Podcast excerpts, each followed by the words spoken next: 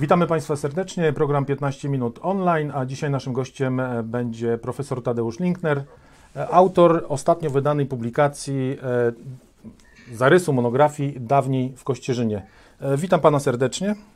Witam pa Państwa i y, może powiem cokolwiek o mojej książce, ponieważ żeby wszystko o niej powiedzieć, to trzeba ją przeczytać. A więc y, interesuję się wśród moich zainteresowań na pierwszym miejscu jest literatura młodej Polski, potem jest edytorstwo, potem jest mitologia słowiańska w literaturze, krytyka literacka, ale jeszcze interesuję się y, tym, y, co dzieje się na Kaszubach i co w kulturze kaszubskiej się dzieje. A ponieważ mieszkam w Kościerzynie, więc y, nie byłoby byłoby to grzechem swego rodzaju, gdybym się nie interesował literaturą kaszubską. No i Napisałem kilka książek na temat y, literatury kaszubskiej, mianowicie y, Śląski poeta na Kaszubach, to jest o księdzu Konstantym Damrocie, który był pisarzem Górnośląska, Górnego Śląska, a u nas y, był w latach 1870-84, był dyrektorem seminarium nauczycielskiego. Potem napisałem książkę Młodokaszubi o Aleksandrze Majkowskim, Następna książka jeszcze związana e, z kaszubską literaturą, a przede wszystkim z Aleksandrem Majkowskim, to rzecz o jego powieści Heroiczna biografia Remusa, taki jej tytuł. No i ostatnia sprawa, która się teraz ukazała, to właśnie jest książka e, dawniej w Kościerzynie, zarys monografii. No właśnie, e, jaki był cel wydania tej pozycji? Otóż zastanawiałem się przez jakiś czas, i jak zebrać materię do książki, która by mówiła o Kościerzynie dawniej. Ale ponieważ pisałem niejednokrotnie artykuły do życia Kaszub i tych artykułów bardzo wiele było, więc uznałem, że można y, część tych artykułów zebrać. Ponadto wiele było jeszcze moich tekstów w pracach zbiorowych, a ponadto y, napisałem jeszcze kilka tekstów. No i w sumie ustawiłem to wszystko w książce e, kompozycyjnie e, w pięciu rozdziałach. Pięciu rozdziałach. No właśnie, pięć, książka podzielona jest na pięć części, w zasadzie kategorii. Tytuły to Byli tutaj, uznani i zapamiętani, wtedy poczuli się wolni. Nie tylko o sporcie oraz teatrze i literaturze. Dlaczego taki układ akurat? Układ jest taki dosyć w stylu wędrówki, można by powiedzieć. Zresztą jako zainteresowany Młodą Polską pisałem niejednokrotnie o e, twórcach Młodej Polski, pisarzach, którzy przede wszystkim uprawiali wędrowanie e, po e, Europie. I tutaj dlatego rozpocząłem od tych, którzy kiedyś w dawnych czasach, na przełomie XIX-XX wieku, byli w Kościerzynie i to bardzo znani ludzie. Z takich bardzo znanych ludzi to były na przykład Stanisław Bełza, brat e, Władysława Bełzy, który napisał e, Kto ty jesteś, Polak Mały. E, to każdemu jest to znana. Potem był Stanisław Tugut z rządu międzywojennego, potem był Antoni Hołoniewski znany, no ale jednocześnie byli tacy ludzie, o których tylko jedno zdanie udało mi się znaleźć, ale wiedziałem, że byli, bo Aleksander Majkowski ich tutaj przyciągał. I był to właśnie przede wszystkim Tadeusz Miciński, najbardziej znany pisarz Młodej Polski.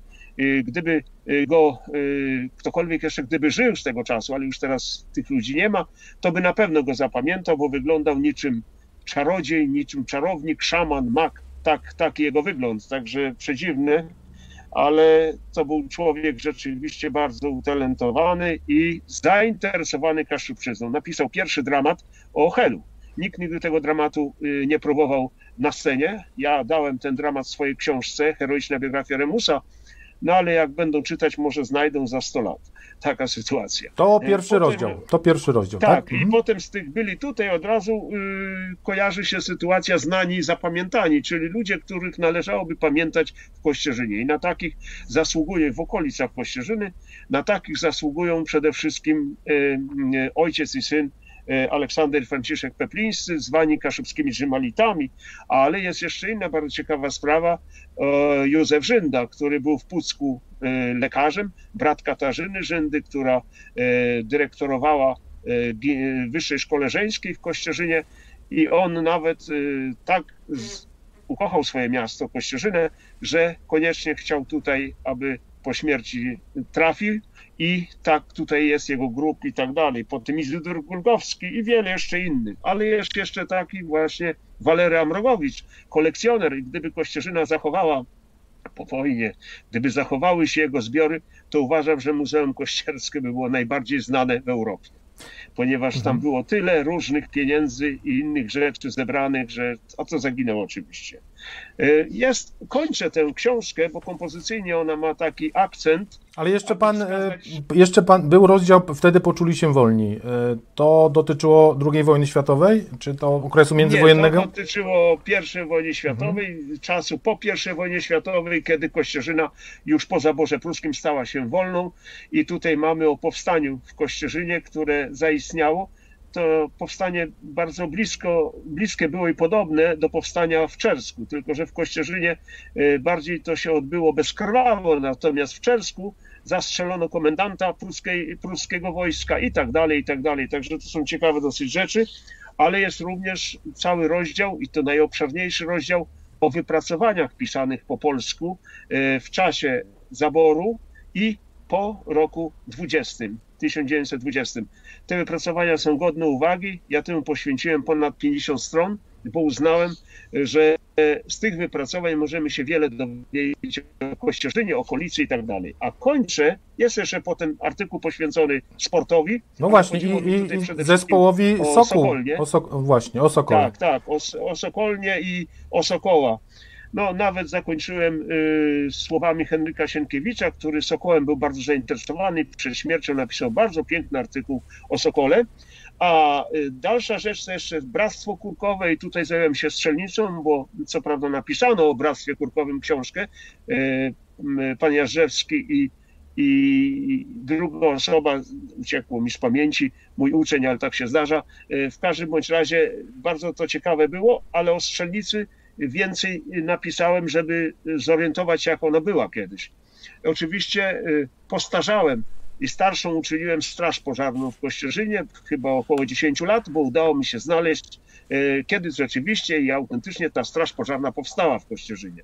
Ale kończę tę książkę y, sprawą taką najbardziej uważaną przeze mnie, mianowicie tym, żeby pokazać, jak Kościerzyna zasługuje na miano duchowej stolicy Kaszub.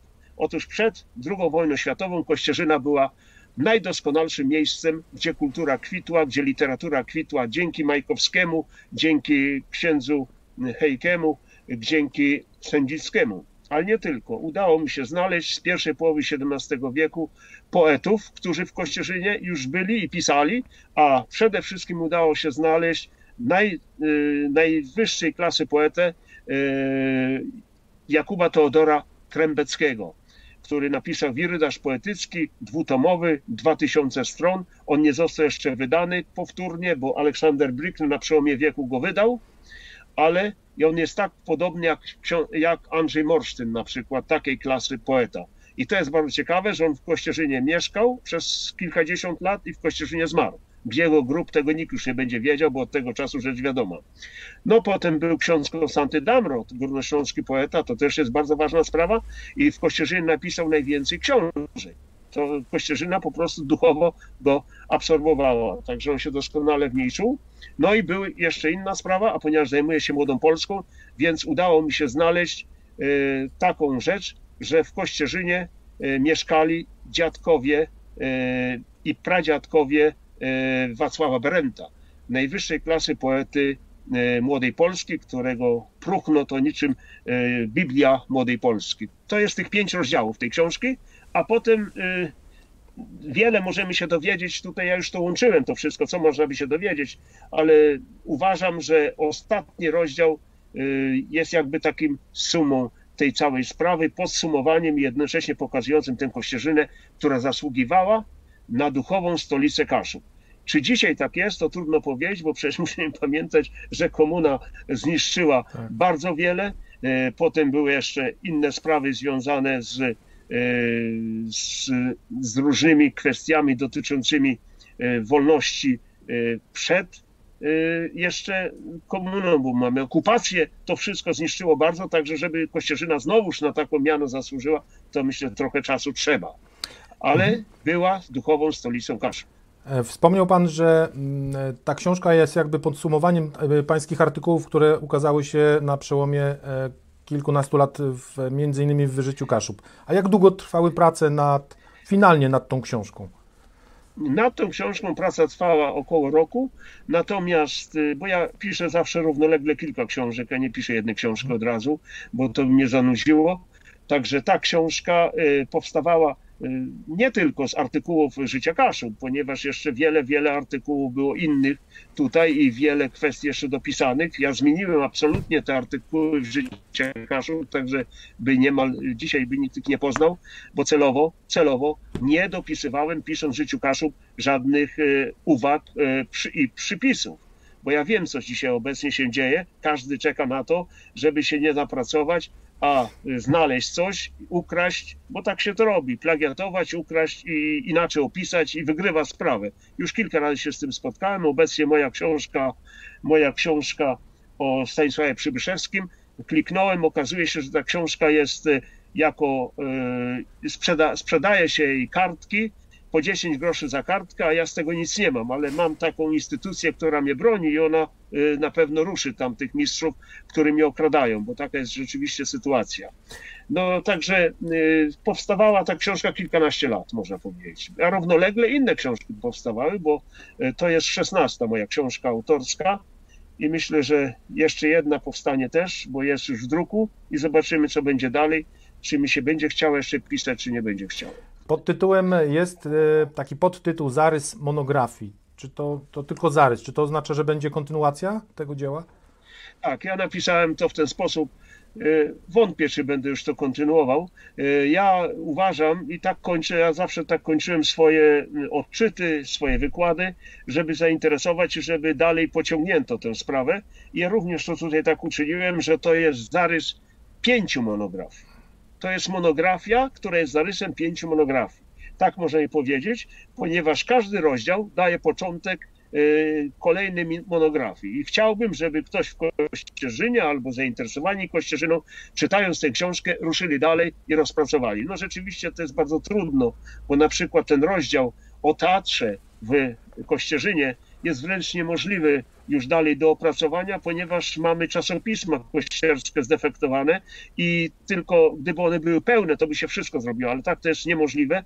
Udało mi się odnaleźć y, u profesora Bukowskiego y, dawną pracę jego magisterską i ja oczywiście y, to tę osobę, która bardzo ładnie napisała o teatrach w Kościerzynie, nie znam jej absolutnie, ale wszystko są przypisy, także niczego jej nie ukradłem, wszystko zaprezentowałem i dzięki temu ta praca magisterska stała się e, znaczniejsza. Oczywiście jeszcze wiele dopisałem, bo z innych źródeł i tak dalej, i tak dalej.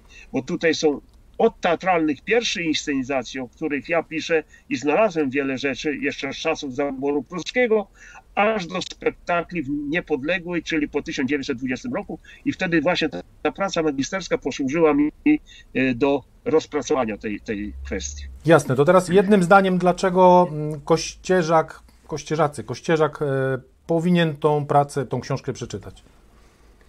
Uważam, że po pierwsze powinien przeczytać, żeby wiedzieć więcej o Kościerzynie, jeżeli po prostu Kościerzyna okazała się dla niego, bo można być obojętnym wobec miejsca, w którym się przebywa, mieszka, mieszka i tak dalej. Ale żeby to miejsce Kościerzyny nie stało się obojętne i żeby zostało uznane, że jednak to nie jest takie sobie miasto, gdzie tam od tak się różnie działo, bo ja uważam, że to jest miasto z doskonałą historią. Najlepiej to widać, y, jeżeli mówimy o zamku, który istniał na górze zamkowej w Kościerzynie. Y, tam jest takie zdjęcie, to ten zamek został w ten czas zburzony, bo pruski mur i tam taka akurat chata jakby z pruskiego muru, no ale jest obok kaplica. Także to nie jest takie co przypadkowe. Ta kaplica się zachowała z dawnych czasów. Tam właśnie do tej kaplicy na pewno zdążał y, Jakub Teodor y, Trębecki, który zmarł pod koniec XVII wieku. Także to są właśnie bardzo interesujące sprawy, ale miał bibliotekę potężną. Co się stało z tą biblioteką? To była nie byle jaka biblioteka. To wszystko zginęło, zatraciło się, no wiadomo, powstanie, jedno, drugie, wojny, wszystko zniszczyły. Jasne. Także Mhm. każdy rozdział może służyć następne, następnym, którzy mogą to rozbudować i nad tym się zastanowić i nad tym pracować.